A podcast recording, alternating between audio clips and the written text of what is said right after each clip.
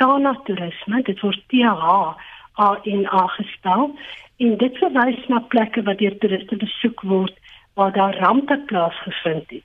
Soos mense wat spesiaal in die Kaap uit sal ry langs die kus af om te gaan kyk na die verwoesting wat die brande aangerig het in die Suidwes-Kaap en waar die huise onlangs as gevolg van oorstromings in KwaZulu-Natal ingeval het. Dit sal beskou word as 'n Tana toerisme plek. Toe ek in Duitsland getoer het, het ek in 'n badkamer ingestap en ek het die woord slawe toilette in die muur gesien en in my gebroke Duits verstaan dat dit verwys na 'n slim toilet. Dit is dit 'n slim stede en slim voorde en slim hotelle kry, kry jy nou 'n slim toilet. Ek moet dit in Engels gaan vertaal met die woord smart restroom.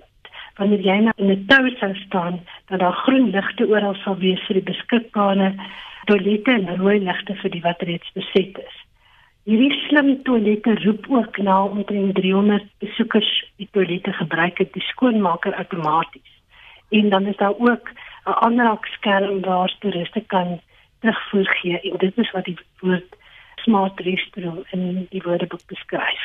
My gunsteling woord in die woordeboek is die woord smombies want ons sien hulle so oral om ons. 'n Smombie is 'n persoon wat so intens besig is op sy selfoon wat glad van niks om hom bewus is nie en dan in lamppale vasloop en in ander mense. Dis 'n woord wat bestaan uit die woord smartphone en zombie. Hoe spel jy dit? S M O M B I E S. En nog? 'n Greasy spoon is 'n restaurant waar jy nie graag sou wil eet nie omdat hy so vuil voorkom. 'n Flying nanny verwys na een van die kajuitbemanning wat gehuur word teen 'n ekstra tarief om na enige passasier se klein babatjie of 'n kind om te sien terwyl die ouers dalk 'n bietjie wil rus. Die persoon sal dan die kinders besig hou op 'n lang afstand vlug of hulle kos vir hulle gee en so aan. Dis 'n flying nanny.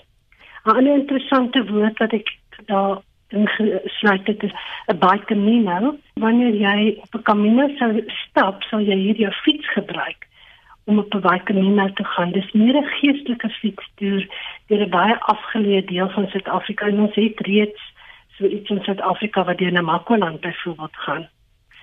'n interessante woord is 'n family moon. Dit verwys na 'n witte brood waarskynlik na 'n tweede of derde huwelik waar die kinders en ander familielede saam op die witte brood sal gaan. Family moon. Dan is daar 'n flashpacker. 'n Flashpacker is in sy hart eintlik 'n rugzakreisiger wat eintlik genoeg geld het en as hy met slaap die aan dan verkies hy 'n 3 of 4 ster hotel. Maar in sy hart is hy eintlik 'n rugzakreisiger.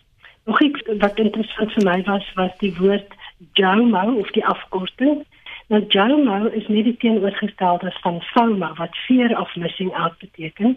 JOMO sou beteken joy of missing out. Dit sou verwys na 'n digitale detox waar mense tog te bly om hulle selfone af te skakel in 'n bestemming wat stil en rustig is. Dis die uitprop van jou selfoon en dan net jou vakansie te geniet sonder enige vorm van digitale koneksie. Hoe lank het jy geskryf aan die boek? Nou die fisiese skryfwerk het my 6 jaar geneem, maar die idee het reeds in 2007 ontstaan. So ek het begin bymekaar maak aan inligting van daar af, maar die fisiese skryfwerk het 6 jaar geneem.